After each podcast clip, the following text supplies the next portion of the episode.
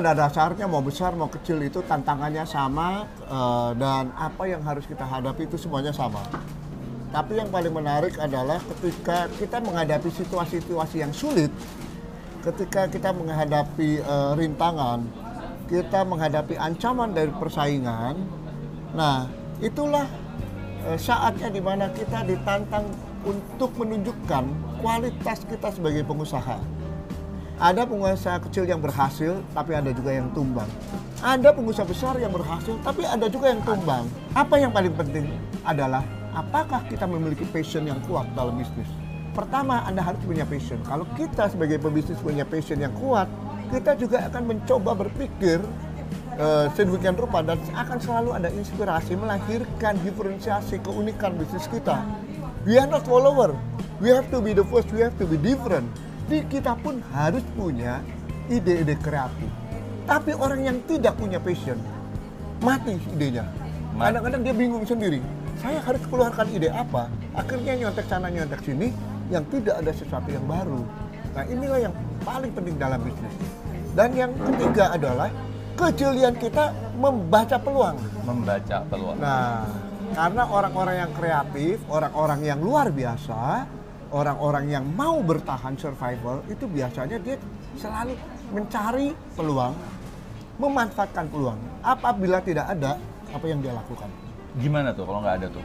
Kalau tidak ada peluang, dia ciptakan peluang itu.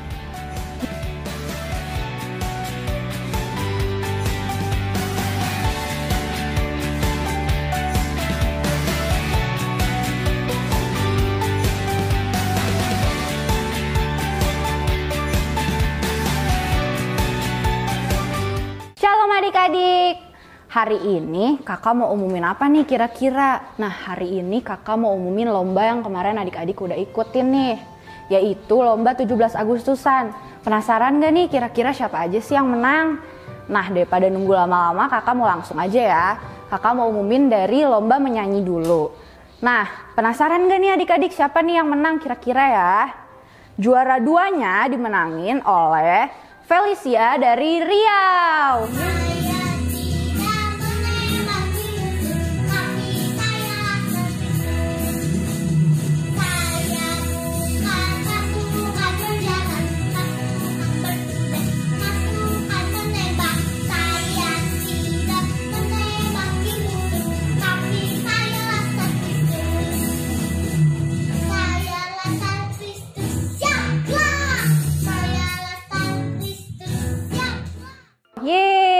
Selamat ya Felicia. Nah, juara satunya dimenangin oleh Gideon dari KBP. Selamat Gideon.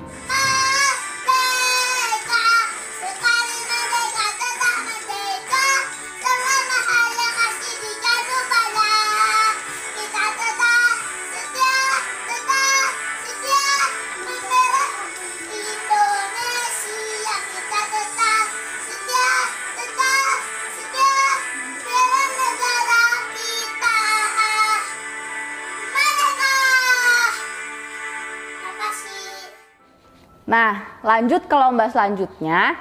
Kakak mau umumin juara lomba video di kelas kecil dulu ya adik-adik. Juara duanya dimenangin oleh Jocelyn dari Majesty. Selamat Jocelyn.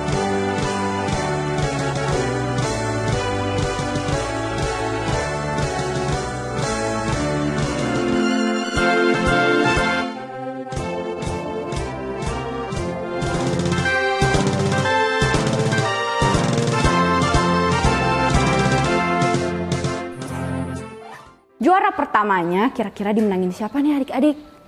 Juara pertamanya dimenangkan oleh Aurora Christina Andrea dari Cirebon. Selamat ya Aurora. dua, tiga. Ayo, ya elah Tuhan. Ayo, ayo, ayo. Ayo, ayo.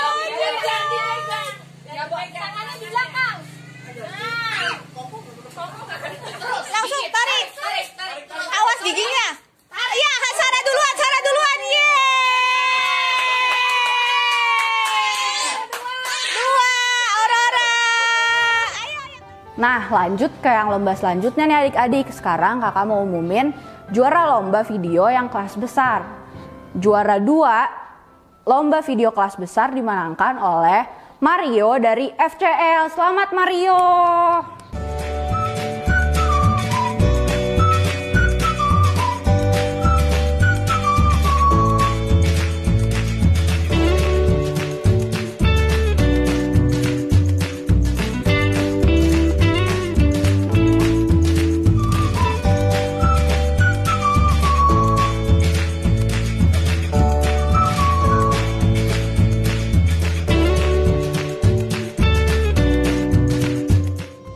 Dan juara pertamanya dimenangkan oleh Priscila Novianti dari KBP.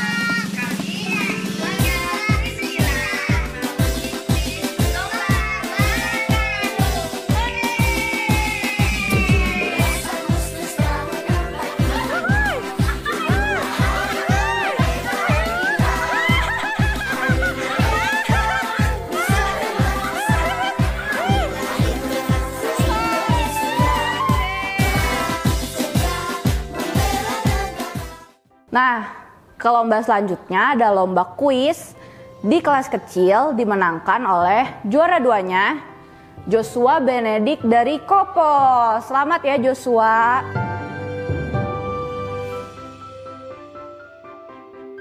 Dan juara pertamanya dimenangkan oleh Michelle Gracia Saragi dari KBP. Selamat Michelle. Lanjut ke lomba yang terakhir ada lomba kuis untuk kelas besar. Juara keduanya dimenangkan oleh Samuel Cahyadi dari Majesty. Selamat Samuel.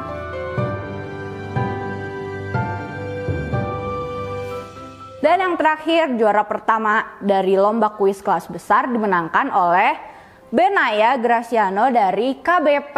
Selamat Benaya.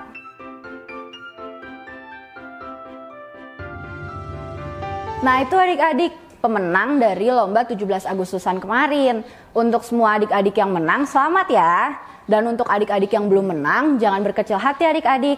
Kalian bisa ikut lomba-lomba yang akan diadakan oleh PPL Kids di lomba selanjutnya. Sekian dari kakak hari ini. Terima kasih. God bless you.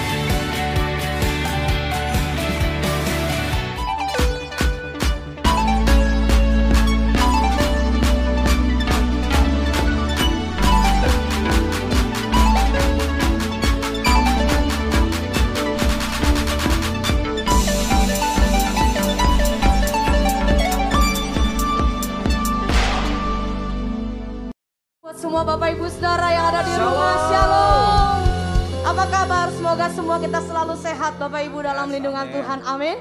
Mari sama-sama kita satukan hati, kita mau berdoa. Kita mau siapkan hati kita. Kita mau datang di hadapan Tuhan. Naikkan ucapan syukur. Kita bersyukur jika hari ini Tuhan masih memberikan nafas hidup bagi kita. Terima kasih Bapak. Hari ini kami ada sebagaimana kami, semua karena anugerah Tuhan. Terima kasih buat nafas hidup yang masih Tuhan beri. Kini saatnya kami mau menaikkan ucapan syukur kami di hadapan-Mu. Tuhan ini yang bisa kami bawa bagi Tuhan. Dari hati yang tulus yang kami naikkan bagi Tuhan. Terima kasih Tuhan. Pemeliharaanmu nyata bagi kami. Kami mau naikkan semuanya, segala kemuliaan hormat hanya bagi Tuhan. Kami menaikkan segala pujian kami hanya bagi Tuhan. Biar Engkau yang bertahta di atas puji-pujian kami. Menjamah setiap kami, baik kami ibadah di rumah Tuhan. Terima kasih dalam nama Tuhan Yesus. Bagi setiap kita yang siap menikah nama Tuhan, katakan sama-sama. Amin. Berikan tepuk tangan bagi Tuhan kita sorak-sorai. Sama-sama kita bangkit berdiri Bapak Ibu Saudara. Kita mau sembah dia, kita mau tinggikan dia. Haleluya. Terima kasih Tuhan.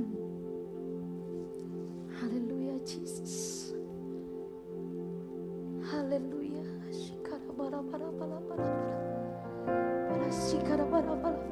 Yes. Hallelujah.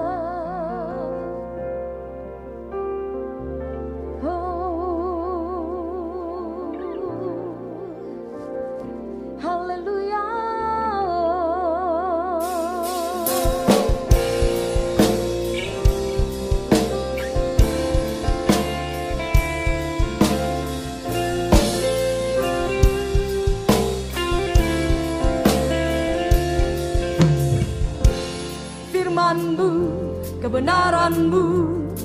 Itulah kekuatanku Iman dan keadilan Menjadi perlindunganku. Ku tahu lawanku Tak berkuasa atasku.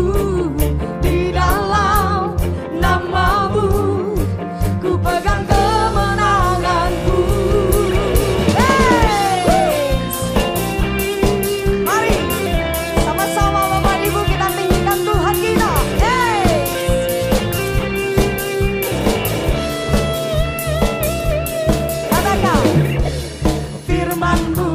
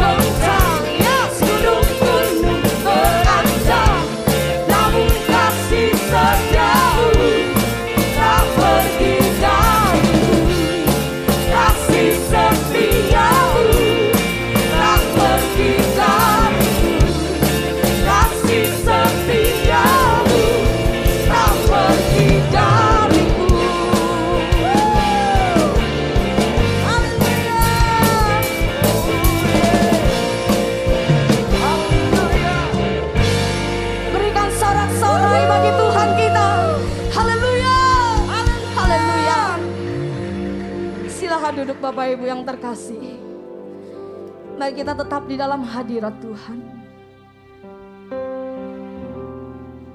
Kita merenungkan semua yang sudah Tuhan lakukan dalam hidup kita. Yes, Tuhan. Percaya di saat ku tak mengerti, percaya di saat ku tak melihat percaya Ku percaya kasihmu sertaku. Percaya berkatmu ada bagi percaya tanganmu tak lepaskanku percaya.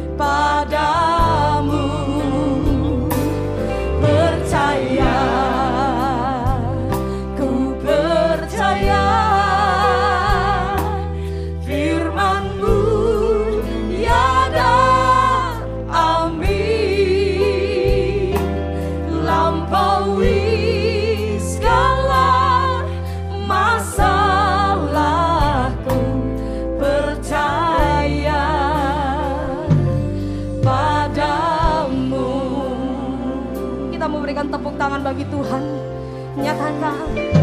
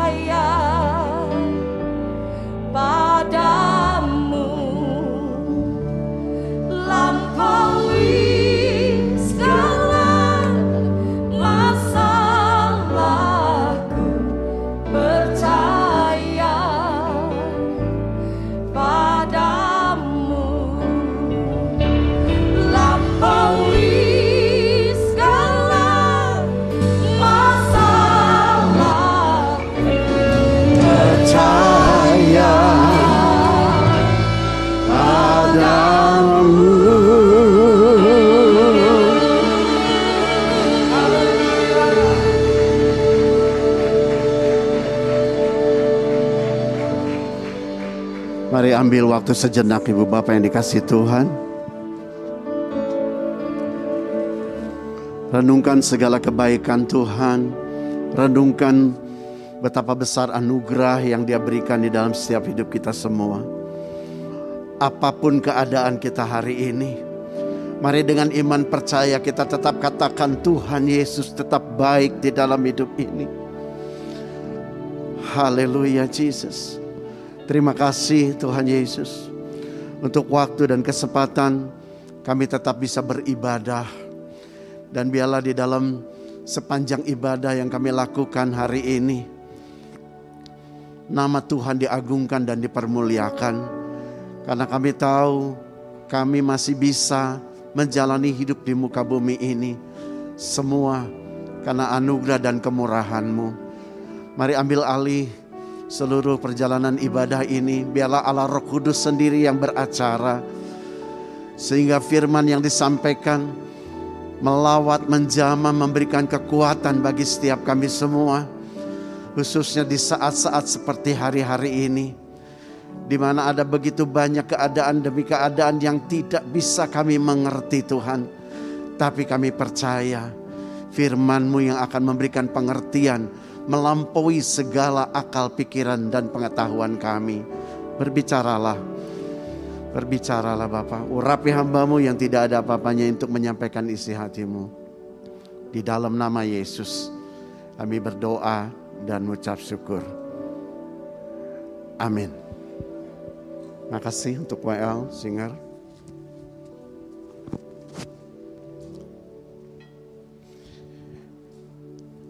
Iya, selamat pagi Shalom Ibu Bapak yang ada di rumah. Kita patut bersyukur kepada Tuhan walaupun kita masih stay at home.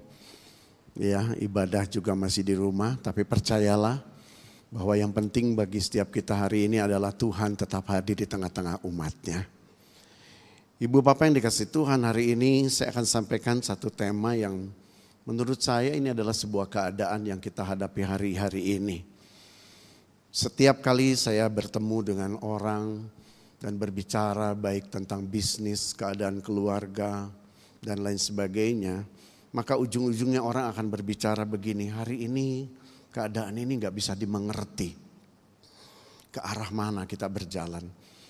dan apa yang harus kita putuskan dan kita kerjakan. Saudara, sebetulnya hari-hari ini dengan seizin Tuhan, saya yakin Tuhan sedang berusaha untuk memproses supaya kita lebih sungguh-sungguh lagi mengandalkan Tuhan di dalam berbagai keadaan. Nah, saya akan masuk terlebih dahulu dengan sebuah kesaksian yang uh, saya dengar, Ibu Bapak. Jadi, ada seorang hamba Tuhan yang sudah melayani lebih dari 25 tahun dan pelayanan dia adalah bidang misi. Sehingga dia bergerak dari satu daerah ke daerah lain dan setiap kali dia bergerak memasuki daerah yang baru, maka yang dia temukan adalah bagaimana kuasa Tuhan menuntun dia untuk menyampaikan kabar baik, kabar keselamatan bagi setiap orang-orang di daerah yang baru tersebut. Dan berkali-kali, bahkan puluhan kali, setiap kali di dalam pelayanan yang dia lakukan, dia melihat bagaimana kuasa Tuhan itu dinyatakan begitu hebatnya. Nah, sampai satu ketika di masa pandemi seperti ini dia dapat telepon dari seorang anaknya bahwa anak bungsunya positif COVID. Kemudian dia telepon dan dia berkata begini, Dek tenang saja kita punya Tuhan yang punya kuasa atas segala sakit penyakit. Dia punya kehidupan di dalam hidup kita. Bertahan dan tetap semangat. Dua tiga hari kemudian dia dapat kabar bahwa anak yang bungsu ini semakin turun kondisinya. Akhirnya dia ambil penerbangan pertama, dia balik ke Jakarta. Ibu bapak sampai di Jakarta dia sudah tidak bisa ketemu dengan anak bungsunya karena sudah diisolasi di rumah sakit. Jadi dia masih bisa video call. Dia tetap punya keyakinan bahwa Tuhan punya kuasa untuk menyembuhkan anak bungsunya ini. Sehingga setiap hari dia kasih ayat penghiburan, dia doa bersama-sama, dia angkat pujian untuk memuliakan Tuhan. Tetapi tiga hari kemudian keadaan semakin buruk, bukan semakin baik. Sehingga akhirnya diputuskan untuk memakai alat oksigen. Dan malam itu dia mendapat kabar yang sangat-sangat menggetarkan hati dia bahwa anaknya dipanggil pulang. Ibu bapak malam itu dia nggak bisa tidur sampai pagi, berperang di dalam hati dan pikirannya. Pertanyaan cuma satu, why? Kenapa Tuhan? Selama perjalanan pelayanan yang dia lakukan dari satu daerah masuk ke daerah yang lain, dia melihat bagaimana kuasa Tuhan itu dahsyat, melindungi seluruh pelayanan dia Bagaimana dia melihat jiwa-jiwa dimenangkan secara luar biasa. Tetapi pertanyaan dalam hatinya kenapa anaknya tidak bisa diselamatkan oleh kuasa Tuhan. Dan waktu itu dia terus bergumul semalaman sampai pagi hari. Dia cuma termenung dan bagaimana dia akan menjawab pertanyaan dari teman-temannya, dari orang lain. Mana kuasa Yesus yang kau sering kali banggakan. Seringkali engkau sampaikan bahwa kuasanya dahsyat, tapi anakmu sendiri tidak bisa diselamatkan. Saudara, saya pernah mengalami hal seperti ini, makanya saya sampaikan pada ibu bapak. Di satu posisi keadaan seperti ini yang tidak bisa dimengerti oleh pikiran kita. Seringkali kita berperang dalam hal ini. Tapi ada satu jawaban yang meneduhkan hati dia. Jawabannya cuma satu. Ingat kita ini adalah ciptaan Tuhan dan dia adalah pemilik hidup kita. Sebagai ciptaan kita tidak bisa apa-apa. Tapi sebagai pemilik Tuhan bisa mengendalikan seluruh hidup kita. Apa pun kehendaknya. Percayalah bahwa kehendak Tuhan itu pasti baik bagi setiap kita. Nah ketika kata-kata ini ada di dalam hati dan pikirannya, dia mulai bisa menyerahkan semuanya ke dalam tangan pemeliharaan Tuhan. Saudara, apa bagian kita ketika kita ada di dalam posisi seperti ini? Saya melihat hari-hari ini ibu apa yang dikasih Tuhan, kondisi sekarang banyak pabrik mulai mengurangi karyawannya. Hari-hari ini kita melihat banyak orang di PHK. Hari ini juga kita melihat begitu banyak orang mengalami sakit dan lain sebagainya. Tapi percayalah bahwa kasih karunia Tuhan tidak pernah luntur di dalam setiap hidup kita semua. Nah hari ini apa yang harus kita lakukan ketika kita ada di dalam kondisi seperti ini? Ibu Bapak yang dikasih Tuhan, 2 Korintus 5 ayat 7 berkata begini, sebab hidup kami ini adalah hidup karena percaya, bukan karena melihat. Perhatikan ada penekanan kata hidup dua kali di dalam ayat ini. Hidup kami adalah hidup karena percaya. Coba mari kita melihat begini. Hari ini kita akan belajar bagaimana kita menumbuhkan iman percaya kita kepada Tuhan. Ibu Bapak yang dikasih Tuhan, di dalam kehidupan bukan hanya soal perkataan, perbuatan, tindakan. Tapi di dalam kehidupan itu juga ada keadaan. Ada situasi, ada musim kehidupan. Ya, Alkitab tulis bahwa saudara dan saya sebagai orang-orang percaya adalah menjadi kepala bukan menjadi ekor. Itu bicara iman. Jadi seharusnya hari ini dalam kondisi yang kita tidak bisa mengerti, maka tugas kita adalah kita harus lebih mempercayai Tuhan daripada melihat keadaan yang ada. Ibu Bapak yang dikasih Tuhan, kata mempercayai Tuhan ini adalah gini, percaya penuh atas setiap keadaan dan kondisi yang sekarang ibu bapak sedang hadapi. Memang tidak mudah. Tapi percayalah dengan iman kita kepada Tuhan, dengan percaya penuh kepada Tuhan dan mempercayai firman-Nya, kita akan bisa melewati hari-hari ini dengan baik. Maka di dalam Ibrani 11 ayat 1 saya ambil dalam terjemahan lain dikatakan begini. Dengan percaya penuh. Artinya yakin kepada Allah bahwa apa yang kita harapkan pasti akan kita terima.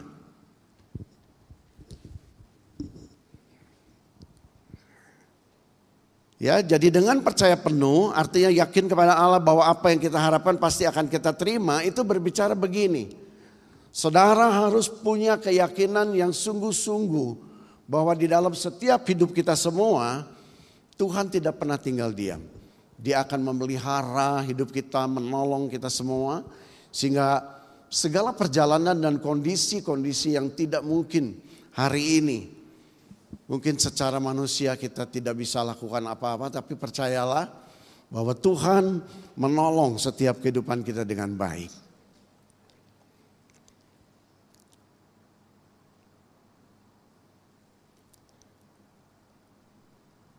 Hidup berbicara tentang kehidupan. Iya, sebentar Ibu Bapak. Oh.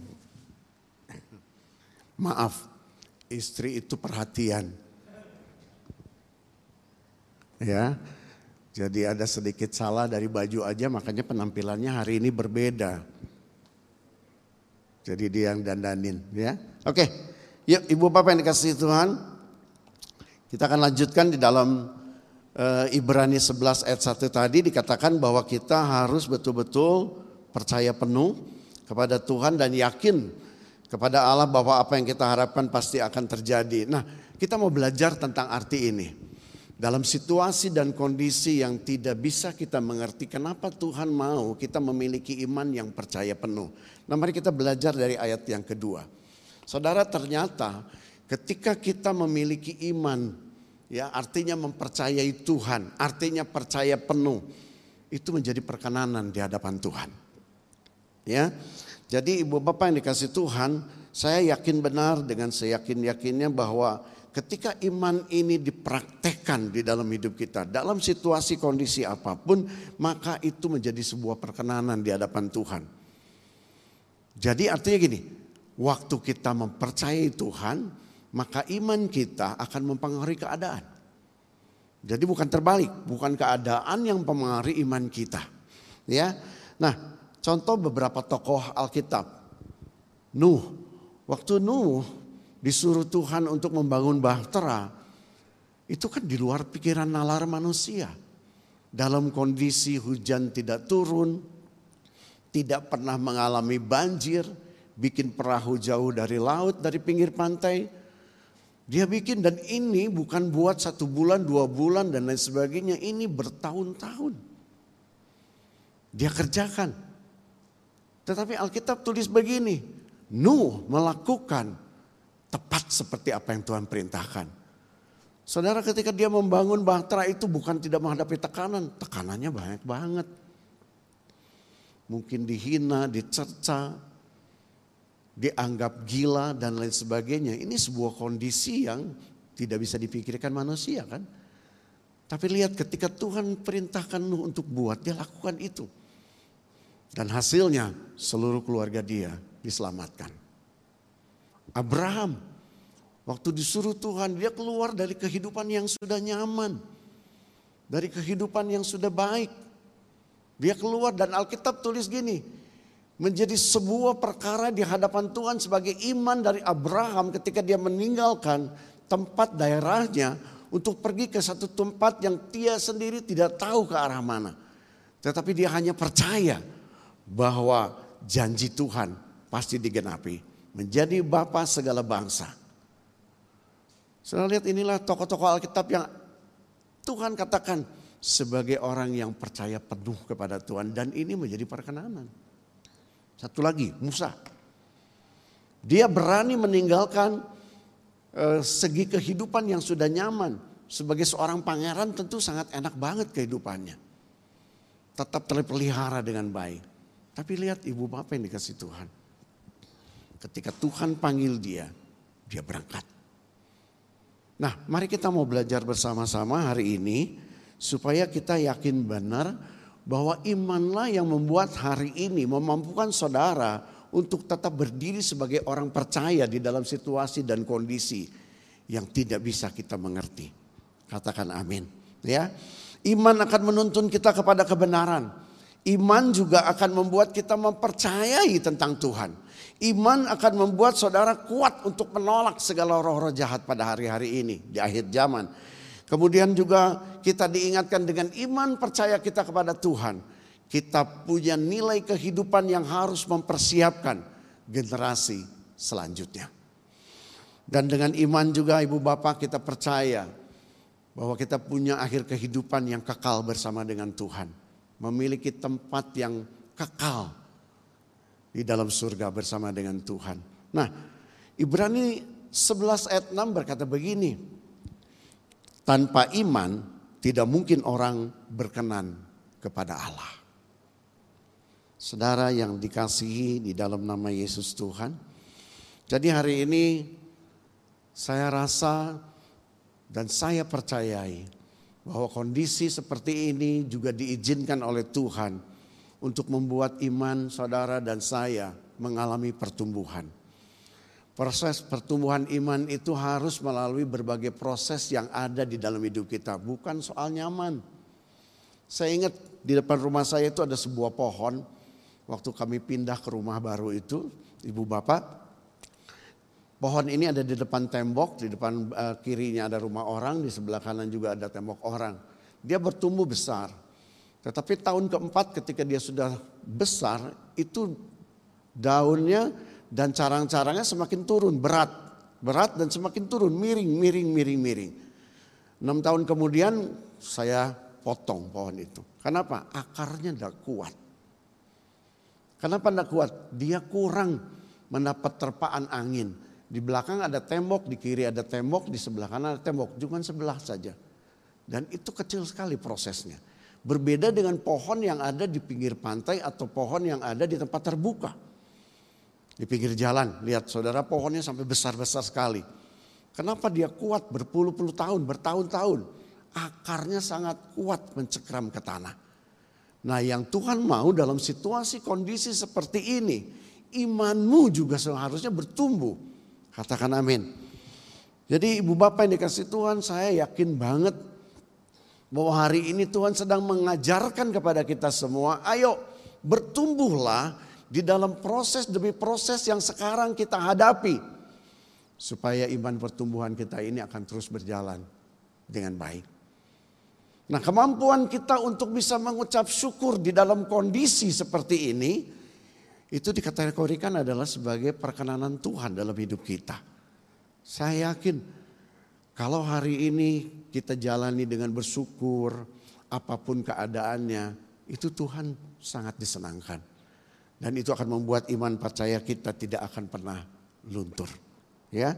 Nah, ada banyak orang bertanya, dari mana kita tahu, Pak? Dari mana kita tahu iman kita akan bertumbuh di dalam setiap proses yang kita hadapi. Ibu bapak yang dikasih Tuhan. Salah satu hal yang sering kita lupakan adalah Alkitab atau firman Tuhan. Ada istilah begini, saya nggak pernah dengar suara Tuhan. Ya bagaimana bisa dengar suara Tuhan, Alkitabnya sendiri tidak pernah dibuka. Tidak punya waktu, sekarang banyak waktu. Tidak mengerti sekarang banyak penuntun untuk bisa baca firman. Tetapi yang jadi masalah ada keinginan enggak? Ada kemauan enggak?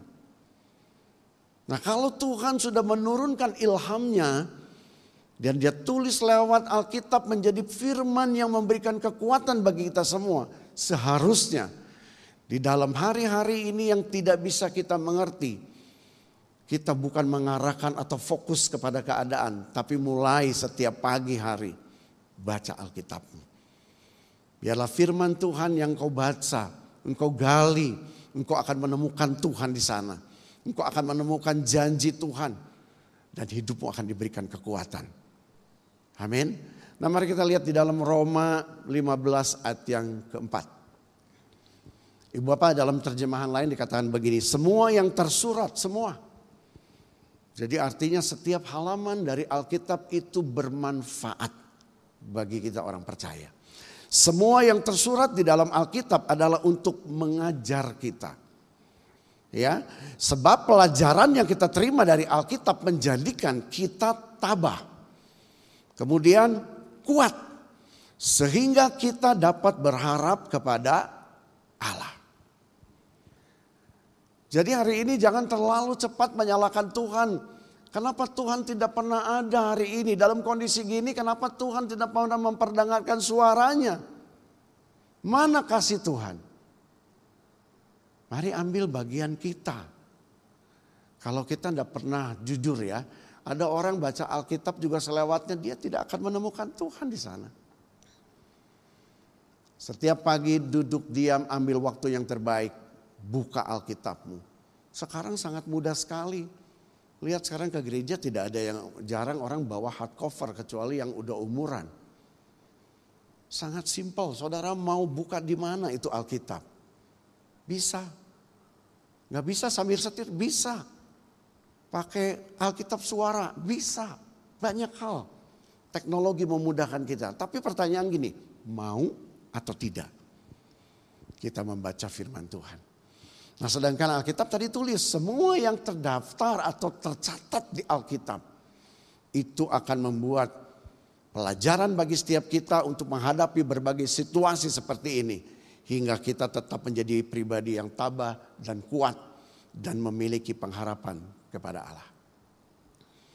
Saudara, mari ya kalau kita jujur baca Alkitab ya, kita akan menemukan gini. Ternyata Alkitab menunjukkan saudara dan saya adalah manusia-manusia yang berdosa. Dari mana kita tahu? Alkitab ngomong begitu. Semua manusia sudah kehilangan kemuliaan Allah. Oh berarti kita orang berdosa. Ya. Tapi Alkitab juga berbicara. Ada pengampunan yang Tuhan berikan lewat Yesus Tuhan. Lewat pengorbanannya. Mau nggak kita terima? 1 Yohanes 1:19 berkata bahwa asal kita mengaku dosa-dosa kita di hadapan Tuhan. Dia adalah Allah yang setia dan adil. Maka dia akan mengampuni dosa kita. Bahkan ditekankan gini, dosa semerah kerbisi pun akan dibuat menjadi putih seperti salju. Dari mana kita temukan itu? Alkitab. Dan Alkitab juga menjadikan gini, saudara akan dipelihara oleh Tuhan. Dengan caranya yang ajaib. Dari mana kita temukan itu? Alkitab. Dan salah satu yang paling penting adalah begini. Bagaimana kita bisa menemukan jalan keselamatan. Orang dunia berpikir dengan cara berbuat baik atau melakukan apa saja untuk memperoleh keselamatan yang kekal. Tapi kita diberikan rahasia. Lewat apa? Alkitab. Ya, di dalam Alkitab Saudara, kita akan menemukan ada jaminan keselamatan dan kejelasan tentang jalan yang harus saudara tempuh, langkah yang harus saudara ambil. Tidak usah tanya lagi hamba Tuhan, tidak usah tanya lagi siapa saja. Mari lihat, baca, renungkan, temukan, dan percayai setiap firman yang saudara baca. Saudara akan menemukan kehidupan kekal di sana. Nah salah satu ayat yang terkenal adalah di dalam Yohanes 14 ayat 6. Ini ayat kan jelas sekali untuk menuntun saudara dan saya untuk kita memperoleh keselamatan di dalam Tuhan. Yesus berkata kepadanya, Akulah jalan, kebenaran, dan hidup. Tidak ada manusia yang datang kepada Bapa tanpa melalui aku. Saudara, lihat kalau kita hanya selewat saja, mungkin kita akan ragu lagi tentang keselamatan kita. Tapi kalau kita gali dan tekankan lihat, Alkitab berbicara, Yesus berkata kepadanya, akulah jalan. Jadi ke mana kita akan memperoleh keselamatan? Ya di dalam Yesus.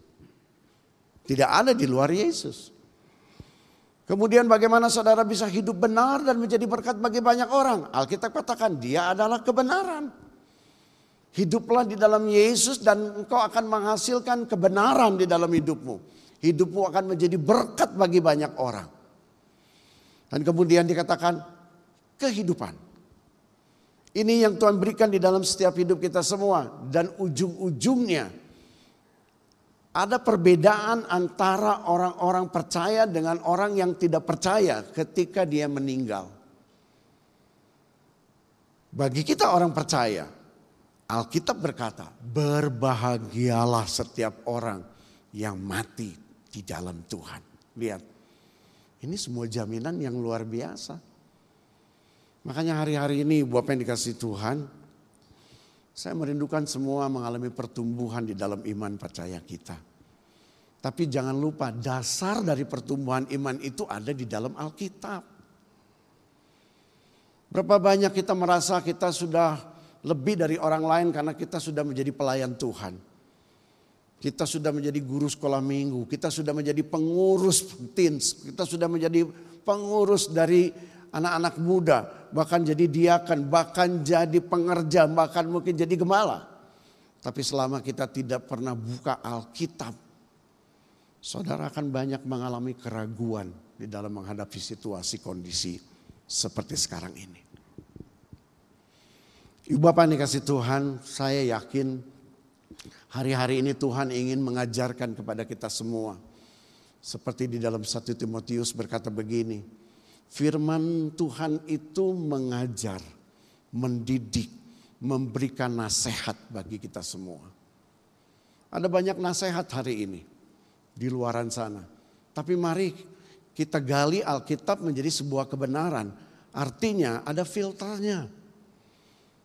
Ya, banyak orang sekarang gampang sekali lihat mau ikut ibadah yang mana, pembicara yang mana. Saudara, ikutilah semua ibadah yang berdasarkan firman Tuhan yang ada di dalam Alkitab. Katakan amin. Ya, banyak orang mengajarkan tentang kemakmuran, tentang kelimpahan, tentang kuasa, tentang mujizat. Silakan saja. Tapi mari perhatikan dan tarik benang merahnya. Apakah itu ada dasar di dalam firman Tuhan atau tidak? Nah makanya hari-hari ini mau tidak mau pegang kebenaran ini. Sebagai firman yang hidup di dalam setiap hidup kita semua. Ya, Nah saya mau ambil contoh di dalam Alkitab ada satu tokoh. Waktu saya bertobat, saya melihat ini tokoh yang luar biasa. Dia dibawa masuk oleh Tuhan kepada sebuah keadaan yang tidak bisa dipikirkan oleh manusia. Tetapi ketika dia mengalami sebuah pergumulan dan melihat kebaikan demi kebaikan Tuhan, ada satu pernyataan yang keluar dari mulutnya Dan ini menjadikan seharusnya keteladanan bagi kita di dalam mengikuti Tuhan. Ya, tokoh ini yang namanya Maria.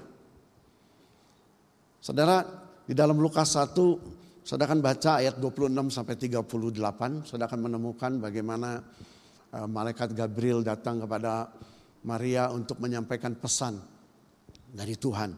Tapi saya ambil yang ayat 28b, 30b dan 31. Perhatikan di sini. Salam hai engkau yang dikaruniai. Tuhan menyertai engkau. Jangan takut hai Maria. Sebab engkau beroleh kasih karunia di hadapan Allah. Saudara yang dikasih Tuhan kalau sampai titik ini, saya yakin kalau kita kalau saya tanya, mau nggak saudara seperti ini? Saya yakin semua baik yang di sini maupun yang di rumah akan berkata, yes, amin, mau Tuhan. Karena kita berkata gini, engkau yang dikaruniai, siapa yang tidak mau dikaruniai oleh Tuhan? Semua mau. Tuhan menyertai, mau semuanya. Jangan takut hai Maria sebab engkau beroleh kasih karunia di hadapan Allah. Mari kita berpikir begini, selama ini kalau kita tidak pernah baca Alkitab, maka selalu kita merindukan kasih karunia Tuhan berlimpah dalam hidup kita. Tapi ternyata kasih karunia bukan menjadi sebuah keenakan saja bagi manusiawi kita. Kasih karunia berbicara tentang rencana Tuhan dan kehendak Tuhan yang terjadi di dalam hidup manusia. Katakan amin. Makanya lihat inilah kasih karunia yang didapatkan. Kalau kita cuma menyetujui sampai titik ini, kita akan menjadi orang-orang yang gampangan. Karena kita berpikir kasih karunia itu hanya untuk mengenakan manusiawi kitanya. Tapi lihat ayat selanjutnya dikatakan begini. Sesungguhnya engkau akan mengandung dan akan melahirkan seorang anak laki-laki. Dan hendaklah engkau menamai dia Yesus. Saya yakin kalau hari itu saya jadi Maria mendengar kabar seperti ini. Saudara tidak mudah. Dia belum menikah. Dia baru tunangan. Mungkin setahun lagi dia baru menikah. Di pikirannya bagaimana dia bisa berkata begini kepada tunangannya. Yang aku mengandung loh dari roh kudus. Tidak mudah bisa sampaikan seperti itu. Dia mulai berpikir di dalam kondisi yang tidak bisa dimengerti. Dan bagaimana dia bisa menghadapi hukum pada saat itu. Bahwa setiap wanita yang mengandung di luar pernikahan itu hukumnya rajam. Saudara sebagai manusia inilah kasih karunia ternyata yang Tuhan berikan bagi Maria. Tidak mudah. Tetapi yang luar biasa saya melihat begini. Kalau Tuhan sudah memilih, memanggil, menentukan seseorang menjadi anak-anaknya. Itu karena Tuhan melihat juga kehidupan saudara. Hubungan kita yang baik dengan Tuhan. Saya yakin Tuhan tidak acak corak untuk memilih Maria. Tapi sebelumnya pasti ada hubungan yang begitu erat antara Maria dengan Tuhan. Makanya Tuhan menentukan kasih karunia-Nya melahirkan Yesus lewat kandungan dari Maria. Dan inilah yang seharusnya juga ada di dalam setiap hidup kita. Ingat proses hari ini adalah bentuk kasih karunia bagi kita orang percaya. Katakan amin. Dan ini membuat kalau saudara tetap terhubung dengan Tuhan Iman kita tetap mempercayai Tuhan dalam kondisi yang tidak bisa kita pikirkan hari ini. Saya yakin kita akan keluar sebagai pemenang bersama dengan Tuhan. Ya, nah makanya Maria bilang begini, ketika segala hal yang dia sudah tidak pikirkan sebagai manusia ini tidak bisa dia pikirkan, tugasnya cuma satu. Dia menyatakan kerendahan hatinya di hadapan Tuhan. Dan ayat 38 berkata begini, kata Maria, sesungguhnya aku ini adalah hamba Tuhan. Lihat, inilah identitas yang dia nyatakan. Sebagai hamba apa yang saya bisa kita lakukan? Kita ini cuma menyenangkan Tuhan saja. Hanya itu, tidak lebih dari itu. Jadilah padaku menurut perkataanmu itu. Malaikat itu meninggalkan dia. Ibu apa yang dikasih Tuhan? Hari-hari ini Tuhan mau menemukan saudara di dalam kondisi yang tidak bisa kita pikirkan. adalah sebagai pribadi yang mempercayai Tuhan. Dan ciri orang yang mempercayai Tuhan, hatinya ini teguh kepada Tuhan. Hatinya ini memiliki pengharapan yang pasti. Ketika iman kita ada di dalam proses, maka itu menjadi sebuah kepastian bagi kita untuk meraih pengharapan di hadapan Tuhan. Jadi itu yang harus kita kerjakan hari-hari ini. Karena Yesaya 26 berkata, yang hatinya teguh kau jagai dengan damai sejahtera. Nah lihat, sebab kepada mula orang yang percaya kepada Tuhan. Alkitab tulis, hatinya akan teguh dan Tuhan jagai dengan damai sejahtera. Saudara ada satu ayat sebulan ini yang menjadi kekuatan dan penghiburan di dalam hidup saya. Bagaimana Tuhan berkata menjagai kita dengan damai sejahteranya di dalam situasi dan kondisi seperti ini. Ini ayat yang terakhir Yesaya 43 ayat yang kedua. Bagi saudara yang di rumah buka Alkitabmu baca sama-sama atau lihat di layar televisi saudara. Imani, percayai. Inilah janji Tuhan yang diberikan kepada setiap orang yang mempercayai Tuhan. Yang mempercayai firman-Nya. Ya, apabila engkau menyeberang melalui air, air itu basah air itu basah, air itu ada arus. Alkitab tidak tulis Tuhan akan mengangkat engkau sehingga engkau tidak basah. Enggak. Tapi dikatakan aku akan menyertai engkau. Di mana? Di dalam air. Ini bicara proses. Bagi orang yang mempercayai Tuhan, di dalam proses apa pun Tuhan akan menyertai. Dan kemudian atau melalui sungai-sungai engkau tidak akan dihanyutkan proses akan berjalan. Proses akan berjalan. Tapi bersama dengan Tuhan kita tidak akan dihanyutkan. Apabila engkau berjalan melalui api, engkau tidak akan dihanguskan dan nyala api tidak akan membakar engkau. Saudara, biarlah ayat Alkitab ini atau firman yang ada di dalam Alkitab ini menjadikan sebuah kekuatan di dalam hidup saudara untuk mengikut Tuhan. Jadi hari-hari ini kalau sekarang kondisi sudah tidak bisa dipikirkan lagi. Kita sudah tidak mengerti lagi apa yang harus kita kerjakan. Duduk diam di hadapan Tuhan. Baca Alkitab. Biarlah firman Tuhan akan memberikan kekuatan bagi saudara dan saya. Untuk kita terus berjalan di dalam kasih karunia-Nya. Ingat kasih karunia adalah kehadiran Tuhan di dalam berbagai keadaan dalam hidupmu. Amin. Percayalah proses demi proses akan mampu saudara dan saya lewati asal bersama dengan Tuhan. Jadi hari-hari ini mari miliki iman yang tetap percaya kepada Tuhan.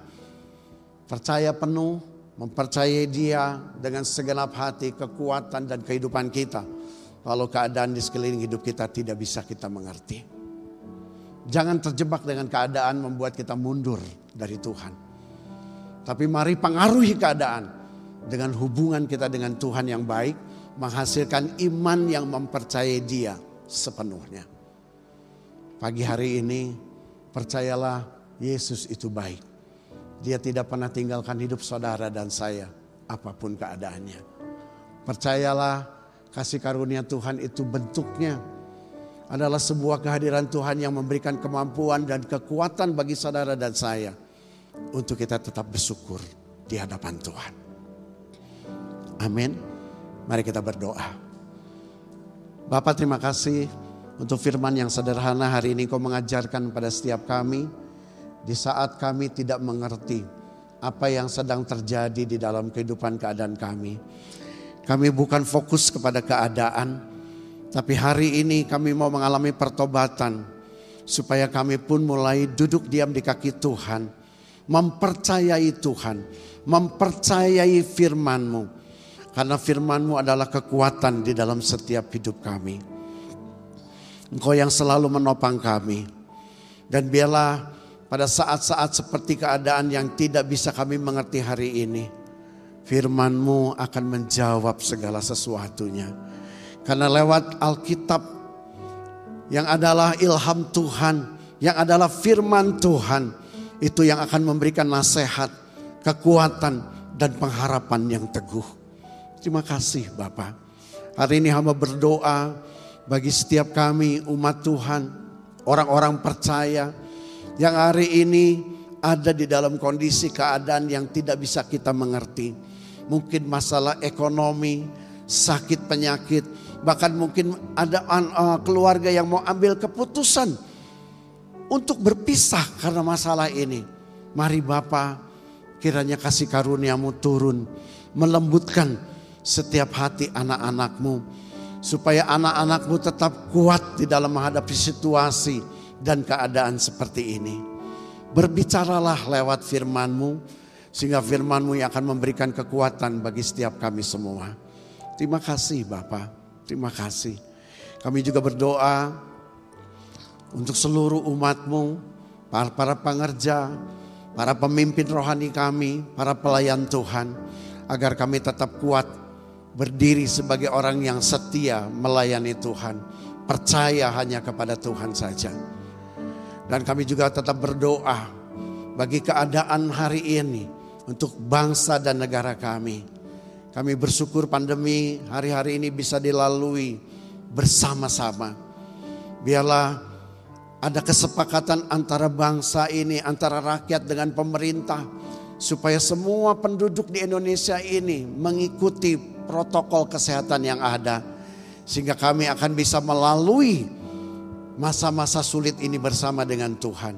Berkati para pemimpin bangsa ini, Bapak Presiden, Wakil, MPR, DPR, TNI, Polri, Tuhan berkati. Terlebih-lebih berkati para tenaga kesehatan, dokter, para perawat, sehingga mereka pun dijagai, dilindungi oleh Tuhan. Di dalam berbagai hal yang mereka hadapi, kami percaya perlindungan kuasa darah Yesus menjagai agar mereka tetap dalam kondisi sehat. Terima kasih Bapak. Berkati setiap tangan-tangan juga yang sudah memberikan persembahan. Bapak memberkati usaha, pekerjaan, bisnisnya, kehidupannya. Semua diberkati oleh Tuhan. Terima kasih untuk hari ini. Biarlah segala kebaikan, anugerah dan kasih karunia Tuhan selalu ada di dalam hidup kami sebagai orang percaya. Mari sebelum berpisah, buka hati dan angkat kedua tanganmu. Apa pun keadaanmu hari ini yang kau hadapi, bahkan situasi yang tidak bisa kau pikirkan sekalipun, tetaplah bertahan, tetaplah sabar, tetaplah bersemangat, bersama dengan Tuhan untuk menghadapinya. Baca Alkitab, buka Alkitabmu supaya kau menemukan Tuhan di sana. Dan percayailah setiap firman Tuhan yang engkau dapatkan. Supaya firmanmu akan menguasai seluruh keadaan dan hidupmu. Sehingga kau akan tampil sebagai pemenang bersama dengan Tuhan. Untuk itu terimalah berkat yang berlimpah-limpah dari Allah Bapa melalui cinta kasih dari Tuhan Yesus Kristus dan melalui persekutuan yang indah dan manis dengan Allah Roh Kudus menyertai hidup kita semua mulai pagi hari ini sampai Maranatha bahkan sampai selama-lamanya. Setiap kita yang sudah terima berkat Tuhan sama-sama kita katakan amin. Selamat pagi, Tuhan Yesus memberkati, shalom dan jaga kesehatan semuanya. Haleluya.